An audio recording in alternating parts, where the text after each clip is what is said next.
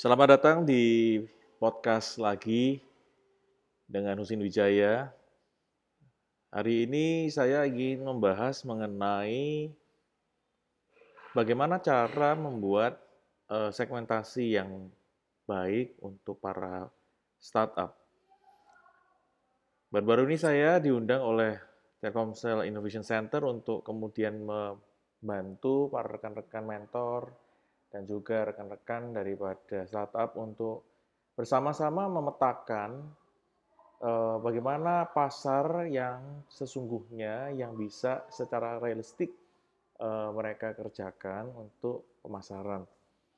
Dan hari ini saya ingin mengupasnya karena saya melihat bahwa peranan daripada founder startup ini di dalam pemasaran mungkin masih perlu melihat segmentasi dengan lebih jelas.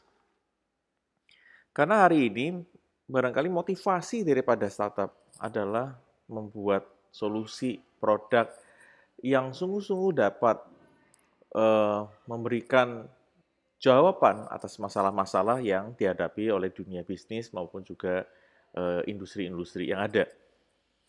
Tetapi yang menarik adalah hari ini banyak sekali produk dan solusi yang ditelurkan oleh startup tidak mampu untuk scalable, untuk tidak mampu untuk menjadi lebih besar oleh karena segmen yang mereka bidik rupanya memang sangat niche atau sangat ceruk.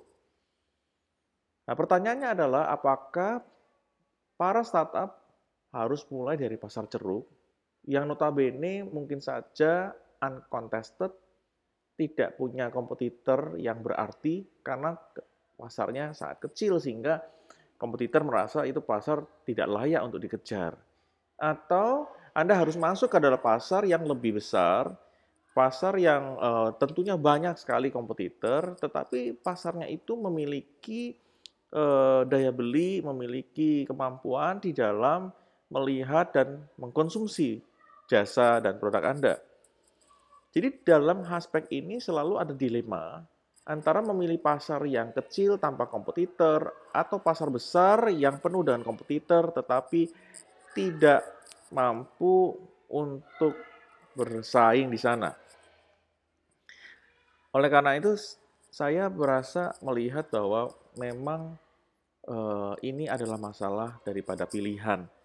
Tetapi saya menyadari bahwa uh, pilihan ini adalah satu pilihan yang sulit karena para startup tidak memiliki resources yang memadai.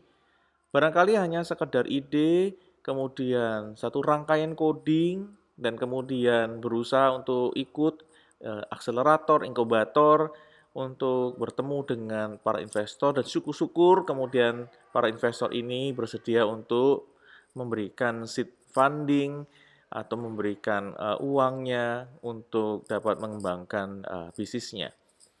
Nah, tetapi sekali lagi hal seperti ini barangkali uh, tidak terlihat tetapi sungguh-sungguh merupakan bagian yang sangat penting di dalam pemasaran. Nah, jika ditanya kenapa harus memilih segmentasi yang kecil, kebanyakan rekan-rekan melihatnya sebagai satu satu cara untuk memulai dengan tanpa was-was atau dengan satu kecemasan oleh karena pasar itu barangkali tidak akan dibidik oleh kompetitor Anda. Nah, tetapi begitu kemudian dikembangkan, ternyata produk Anda itu terlimitasi oleh karena segmen itu, sehingga akhirnya susah kemudian berkembang dan akhirnya mati. Oleh karena itu saya mengusulkan untuk melihatnya dengan cara seperti ini. Bagi saya, startup harus memulai dari pasar yang kecil atau besar tergantung kepada apa yang Anda ingin pecahkan di situ. Dan kita tahu bahwa banyak sekali terobosan-terobosan yang luar biasa, tetapi semuanya itu akhirnya uh, membuat banyak investor rugi kita melihat kasus Teranos, kita melihat kasus WeWork, kita melihat banyak kasus di mana begitu mereka besar, mereka rugi. Bahkan Uber yang punya model bisnis yang bagus sekalipun masih tetap merugi. Oleh karena itu kita melihat bahwa gunanya pasar kecil itu adalah untuk exercising, untuk kemudian melatih kemampuan daripada para startup untuk melihat pasarnya.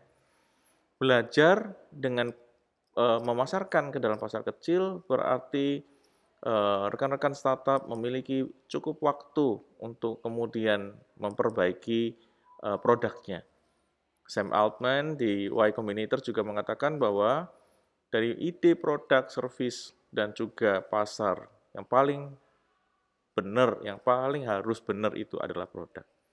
Maka saran saya adalah para startup harus melihat pasar kecil ini, latihlah, kembangkanlah produk Anda, dengan sungguh-sungguh sehingga Anda bisa dapat suatu pengalaman yang unik di pasar ini. Tetapi Anda tahu bahwa cita-cita Anda tidak di pasar kecil itu. Anda harus membuat, melihat, merus survei, meriset, melirik pada pasar yang lebih besar. Anda harus berusaha untuk mencoba mencari tahu apa yang dibutuhkan oleh pasar besar tersebut di tengah-tengah ceruk yang ada di dalam pasar yang besar itu. Oleh karena itu saya uh, melihat bahwa kemampuan daripada startup tidak perlu langsung dimasukkan ke bagian-bagian pasar yang sifatnya banyak incumbent. Tetapi Anda harus punya satu mentalitas incumbent untuk dapat masuk ke pasar yang lebih besar. Percayalah bahwa belajar di pasar yang kecil sangat berguna. Anda dapat e, mendapatkan pengalaman yang luar biasa sehingga pada akhirnya Anda dapat dengan serius dan sungguh-sungguh masuk ke pasar yang lebih besar. Salam sejahtera untuk Anda semua dari Husin Wijaya. Dengarkan podcast saya berikutnya. Terima kasih.